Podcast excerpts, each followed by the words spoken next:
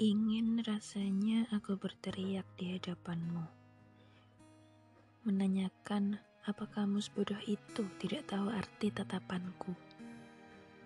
Mengapa kamu tidak peka dengan apa yang aku rasakan? Ingin rasanya aku sampaikan segala hal tersimpan di hatiku. Ingin rasanya aku katakan saja kepadamu. Akulah orang yang memikirkanmu sepanjang hariku. Akulah orang yang tidak pernah luput memperhatikanmu. Namun, mengapa kamu terlihat bodoh dan tak mau tahu? Apa kamu tidak punya perasaan di hatimu?